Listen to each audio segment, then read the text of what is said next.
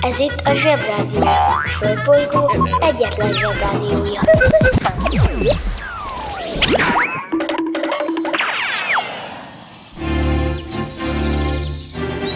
Zsebrádió! A következő műsorszám meghallgatása csak 12 éven aluli gyermekfelügyelete mellett ajánlott. Hello, bello, kedves zsebék! Ez itt a Zsebrádió január 9-i adása. Bemegyek az oviba, suliba. Mindig a mamám hoz a buliba.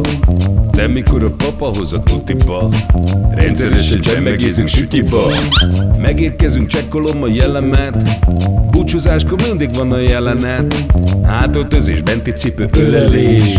Bemegyek és kezdődik a nevelés. Megjelente én vagyok a csoda lény. Cuki-muki odaadott ünnemény. A felnőtteket tenyeremből letettem Így lesz nekem sima ügy az egyetem. Láttam a barbit egy világos kiklovon Hogy Póni volt vagy szamár, eskü nem tudom Az oviban napos, a suliban meg hetes Az ebéd az ugyanaz, de kilötyög a leves. Vége az ovinak, a mama megvárat Biztos, hogy megment a mancsőrjára. Mi volt a házi? Nem emlékszem. Mit tenne ilyenkor? Tűzoltó szem? Napközi külön orra szabad idő Húszosabb, én melegítő tornacipő. Én, a Lozi, meg a Gyüli, meg a Bélus Heti kettőt maladunk, mert váll a logopédus. Van akinek bocska, másoknak meg Balázs. Nekem minden reggel a zsebrádió a varázs. Milyen kit a pálya, mindenkinek ácsi. Minket hallgat minden gyerek, s minden néri bácsi. Van akinek bocska, másoknak meg Balázs. Nekem minden reggel a zsebrádió a varázs. Milyen kit a pálya, mindenkinek ácsi. Minket hallgat minden gyerek, s minden néri bácsi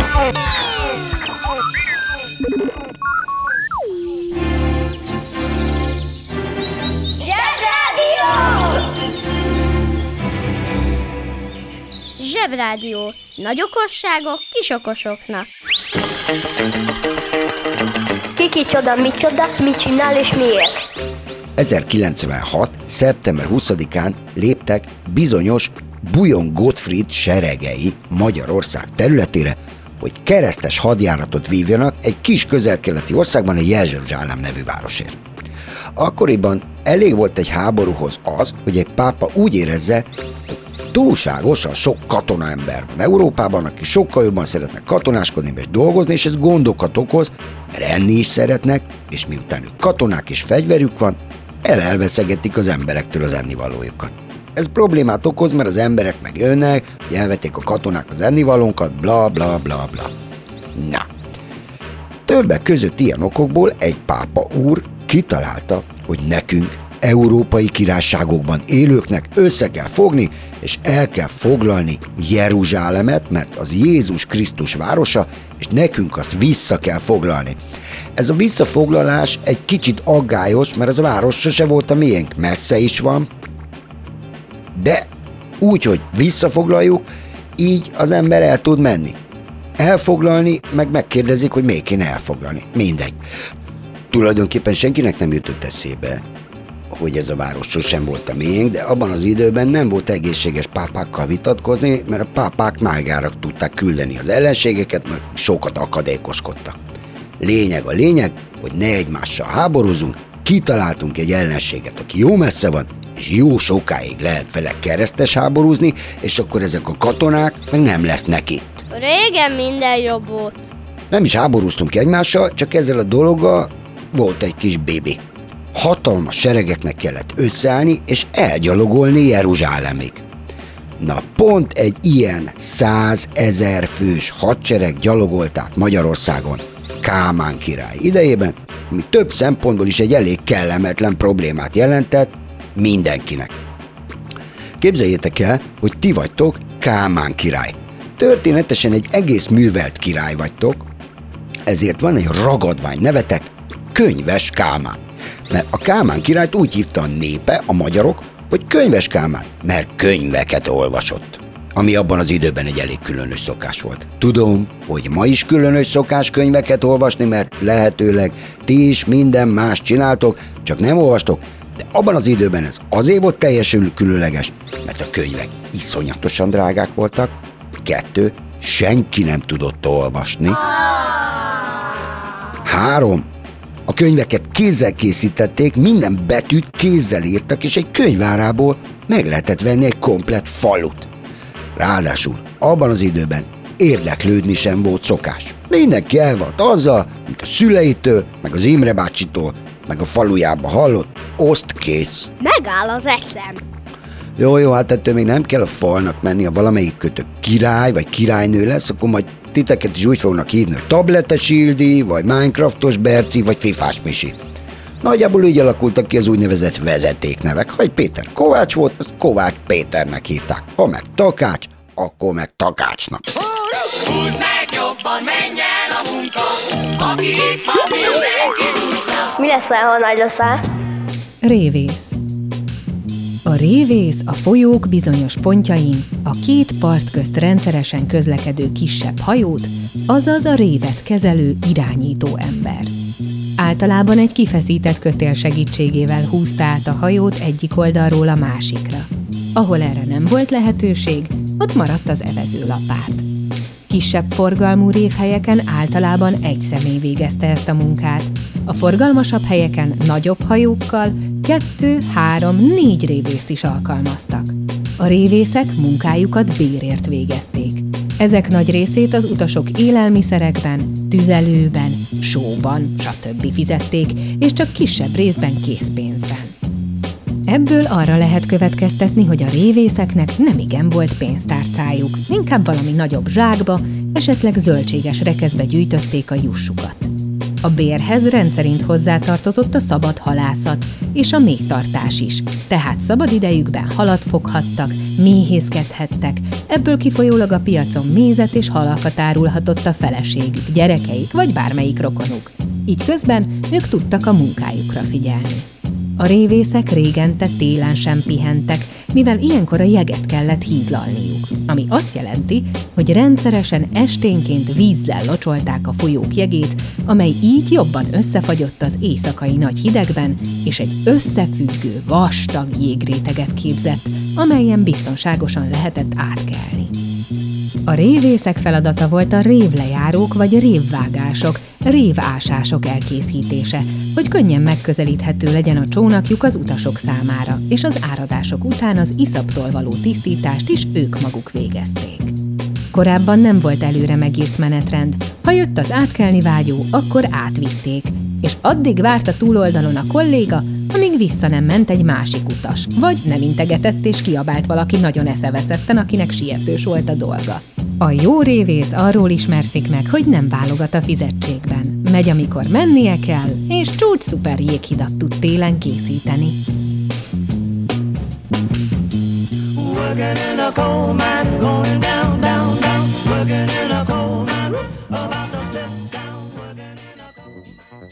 Na, ugorjunk vissza erre a könyves kámára, meg a meg, a, meg, meg, erre, meg erre a százezres hadseregre. Képzeld el, hogy te vagy a Kámán király, és egyszer csak jön a bujongófri, vagy kicsoda, hiszen nem ismered, mert nincs Facebook, meg ilyesmi, ahol le van írva a neve, csak jön egy követ, aki bejelenti, hogy itten van a Gofri úr, és azt mondja, hogy az országodon szeretnek keresztül gyalogolni százezer emberre. Hát, ha abban az időben, hogyha megjelent százezer ember, egy hatalmas hadsereg a határon, az egyáltalán nem jelentett őt, sőt, hogy úgy mondjam, gyanakvásra adott okot, hogy, hogy, hogy mi van, ha mégse Jeruzsálemet akarják elfoglalni, csak itten cseleznek, hanem például az én országomat. Kettő. Van egy nagyon-nagyon fontos a világon a logisztika, amit majd az okos telefon el is fog mondani, ami arra jó, hogy megnézzük, hogy hogyan működnek, vagy hogyan nem működnek a dolgok. És most kapcsoljuk az okostelefon. A logisztika anyagok, információk, személyek, rendszereken belüli és rendszerek közötti áramlásának tervezése, szervezése, irányítása, ellenőrzése. Leggyakrabban olyan helyeken kap szerepet a logisztika, ahol sok embert, sok eszközt, sok helyszínen kell egyidejűleg kezelni, mozgatni. A legprofibb logisztika a katonaságban, az egészségügyben, a gyártásban és a kereskedelemben van. A logisztika a görög logos szóból származik, jelentése értelem, számítás, tervezés. Na, ha ebből a bizonyos logisztikai szempontból nézzük ezt a Gofri féle ágyaloglást, akkor ez viszont elég macerás. A Kálmán király országa ugyanis még a mostani Magyarországnál is sokkal nagyobb volt, de mondjuk, hogy nem nagyon sokkal, de kicsit sokkal, tehát mondjuk a Gofrinak meg a hadseregének 500 kilométert kellett gyalogolnia. Tételezzük föl, hogy egy hadsereg naponta 25 kilométert tud gyalogolni, ami marha sok. Az 20 napig tart. Bizonyám, az majdnem egy hónap. A szabadnapokkal. De nem ám az M7-esen, meg az m 0 kell neki gyalogolni, meg az autópályákon, hanem a sárban, a hegyeken, a dombokon, a mezőkön át, más emberek földjein, ráadásul az ilyen hadseregek hajlamosak nem teljesen libasorba menni, hangoskodni, rondán beszélni, ami azt jelenti, hogy össze-vissza tapossák a kerteket, meg a virágágyásokat, hajlamosak össze-vissza pisálni az út közben, mindent, és tuti, hogy szemetelnek is. Tehát ez egy elég kellemetlen vendég. Az eszem megáll. Szegény Kálmán királynak könyvek ide vagy oda nagyon sokat kellett gondolkodni, hogy mi a fenét csináljon. Az egyik választás az, hogy átengedi ezt a kuplerájt csináló hadsereget, tényleg lesz egy marha nagy rendetlenség, ami azt jelenti, hogy a népe haragudni fog a királyra, a kámára, hogy miért engedte, hogy ezek ide bejöjjenek sáros lábbal, és minden összejárkáljanak. A másik nem engedi be a gofrit, amitől a gofri pipa lesz, és azt mondja, hogy neki százezer embere van, és ha nem engedik be, akkor bizony bejön erővel, és akkor az háború. Na, ilyen nehéz politikusnak lenni, és ezért jó, hogyha okos embereket választunk politikusnak, akik bírják a stresszt, és nem fagy le az agyuk, ha ideg állapotba kerülnek. Na, Kálmán király végül is jól megoldotta Gófrival, egyezményt kötött, és ezek a tramplik meg átmentek az országon minden hiba nélkül. Az egyezményt mind a ketten aláírták, a Kámán is, meg a Gofri is. Innen tudjuk, hogy nem Gofrinak hívják, hanem Gottfriednek. Egyébként, ha valakit érdekel ez a keresztes háború dolog, erről még dumálhatunk, de előre el kell mondanom, hogy néha elfoglaltuk Jeruzsálemet, de mindig visszafoglalták, úgyhogy igazából sose foglaltuk el azt a várost, ami nem volt a miénk, és azóta is azoké, akiké volt. A banja, maharadja, halandja? Fura felnőttek, még furább mondásai. Rend a lelke mindennek. Annak kifejezésére mondják, hogy csak ott folyhat eredményes munka, ahol a célszerű rend uralkodik, illetve a megfelelő, pontos elintézés az alapja a zavartalan, eredményes működésnek. Egy igazi zseni a káoszon is átlát. Gyakran használjuk védekezésképpen ezt a remek frázist, ha éppen rendetlen a lakásunk, rumlis a szobánk, vagy éppen pont a feje tetejére állítottunk mindent a nappaliban, és szükségét érezzük a magyarázkodásnak. És ez valóban csak magyarázkodás. Gondolhatnánk, hogy az állandó rendrakásra buzdítás a szülőktől csak nekik fontos. De hát be kell látni, hogy igazuk van, mert valójában tényleg jobb úgy reggel felébredni, hogy még véletlenül sem lépünk rá egy legóra, este meg lefeküdni fáradtan úgy, hogy nem kell kerülgetnünk az összes többi játékunkat. Úgyhogy fogadjuk el, hogy a rend jó, ahhoz meg sajnos rendrakás szükséges, csak hát jobb lenne, ha nem akkor szólnának miatta mindig, amikor pont semmi kedvünk hozzá. Ha hallottál olyan furamondást, amiről nem tudod, mit jelent, küld el nekünk, és mi elmondjuk neked.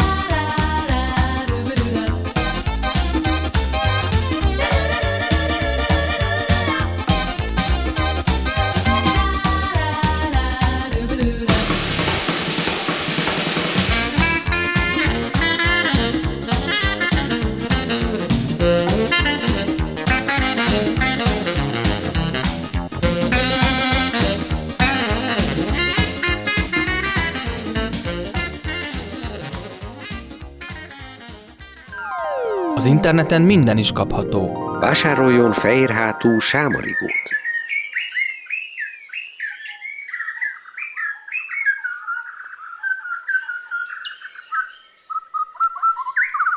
A fehérhátú sámarigó kiváló szórakozás, akár baráti összejöveteleken is. A műsorszám Fehérhátú sámarigó. megjelenítést tartalmazott.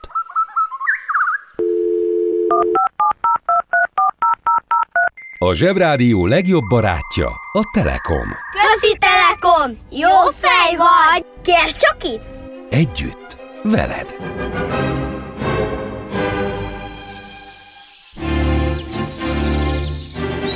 Zsebrádió! Zsebrádió!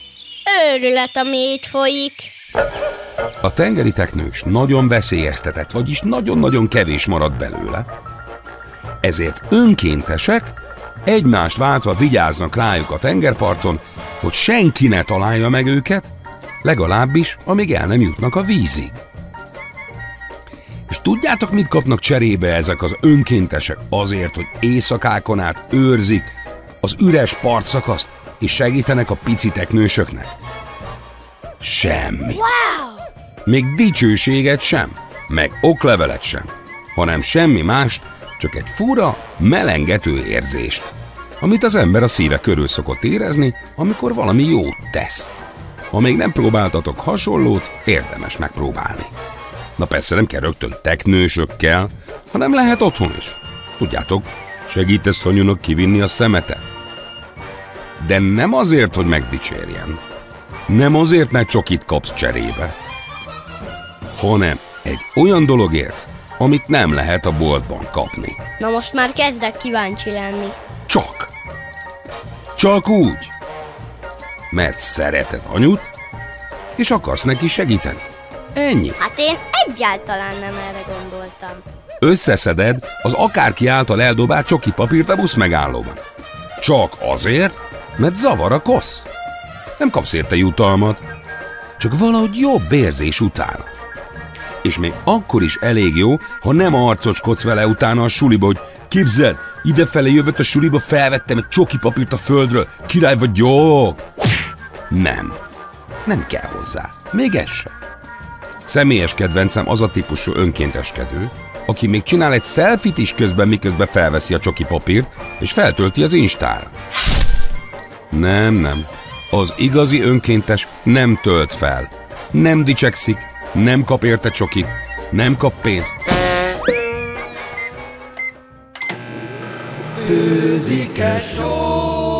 Ott főzek ma magamnak, ott főzek ma magamnak.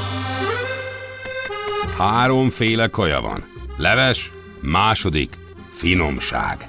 A fura nevűeket meg el is magyarázzuk nektek. Mi lesz ma a kaja? Fatányéros, Patányéros? Ez egy második. A közhiedelem szerint a fatányérosnak a halotti beszédben található a receptje. Ezzel szemben néprajzi múzeumnak kinéző éttermekben betyárok szolgálják fel. Valójában mindenféle hús, amit addig nem ettek meg egy fa tányéron. Körete a rósáibni és a rizsa. Ja, akkor nem kérek.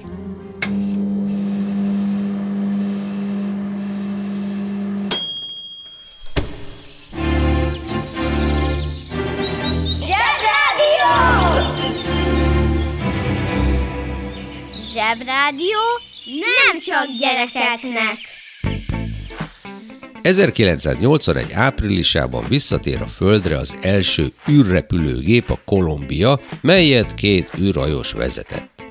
Na kérem szépen! Azért mondtam az előbb, hogy tegyünk különbséget az űrhajó meg az űrkapszula között, mert tényleg nem ugyanaz a kettő. A fentebb említett Kolumbia űrsikló a szó minden értelmében véve egy űrhajó. Azért nevezzük így, mert az űrhajó egy olyan egység, amiben minden eszköz, felszerelés, kiegészítő megtalálható, ami az űrben létezéshez szükséges. Tehát nem attól űrhajó az űrhajó, hogy tágas, mint egy belvárosi lakás, hanem attól, hogy az önálló manőverezéshez szükséges hajtóműtől a WC-ig minden megtalálható a fedélzeten, vagyis önállóan tud mozogni, jönni, menni, föl az űrbe, le a földre, plusz oxigént, élelmet és mindenfajta kiegészítőket tartalmaz. Plusz még egy úgynevezett életteret is tartalmaz. Tehát az űrhajósok ezen az űrhajón szinte végtelen sokáig el tudnak lenni, ha kapnak utánpótlást. Ezzel szemben az űrkapszula az egy két vagy három személyes kidobható dekatlon sátor méretű fémtartály, ami egy műszaki egység nélkül minimális ideig képes csak életben tartani az embert, miközben tehetetlenül sodródik az űrben. Igaz, kakálni űrkapszulában is lehet, csak nem illik.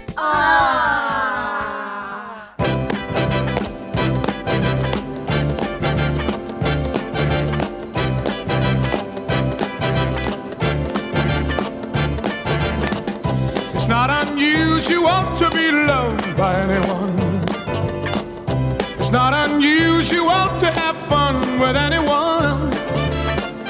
But when I see you hanging about with anyone, it's not unusual to see me cry. I wanna die. It's not unusual to go out at any time. But when I see you out and about, it's such a crime. If you should ever wanna be loved by anyone, it's not unusual, it happens every day.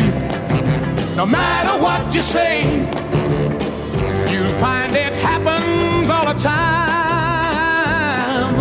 Love will never do what you want to.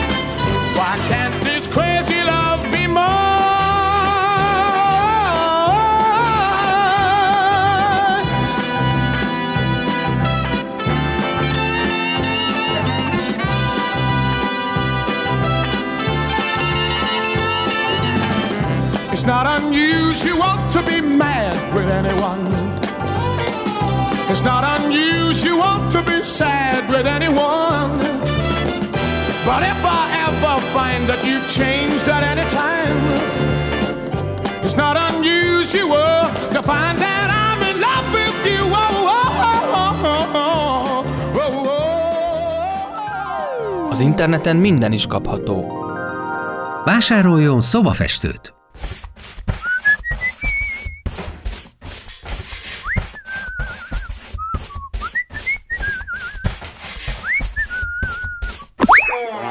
A szobafestő kitűnő szórakozás, akár baráti összejöveteleken is.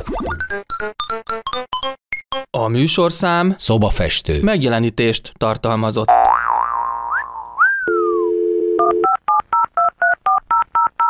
A Zsebrádió legjobb barátja a Telekom. Közi Telekom! Jó fej vagy! Kérd csak itt! Együtt, veled.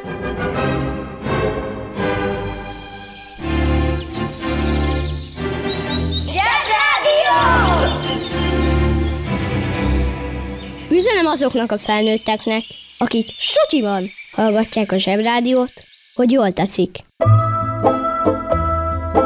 Ki ünnepel? Mit ünnepel? Hogy ünnepel? 1492. október 27-én Kolumbusz Kristóf felfedezte Zsuzsannát. Hm.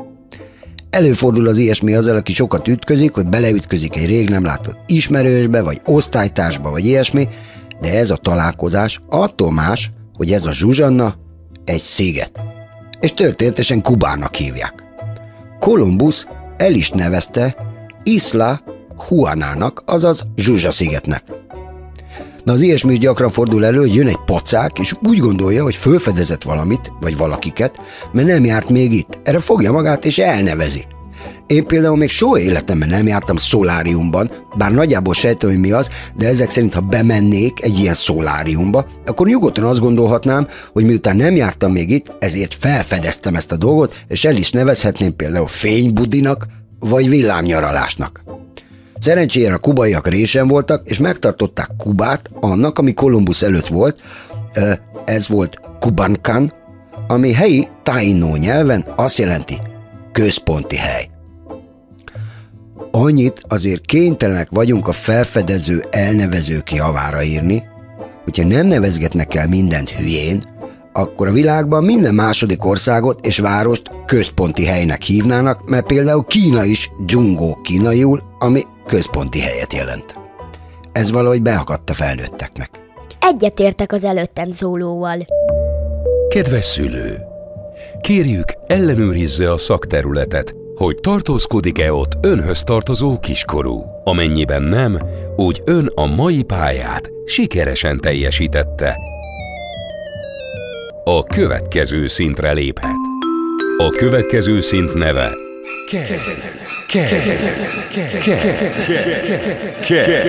Tehát KED. Agyaig. Uszicuc, ebédpénz, tornazsák, benti cipő, zumba. Gratulálunk a mai sikeres reggelhez. Találkozunk holnap.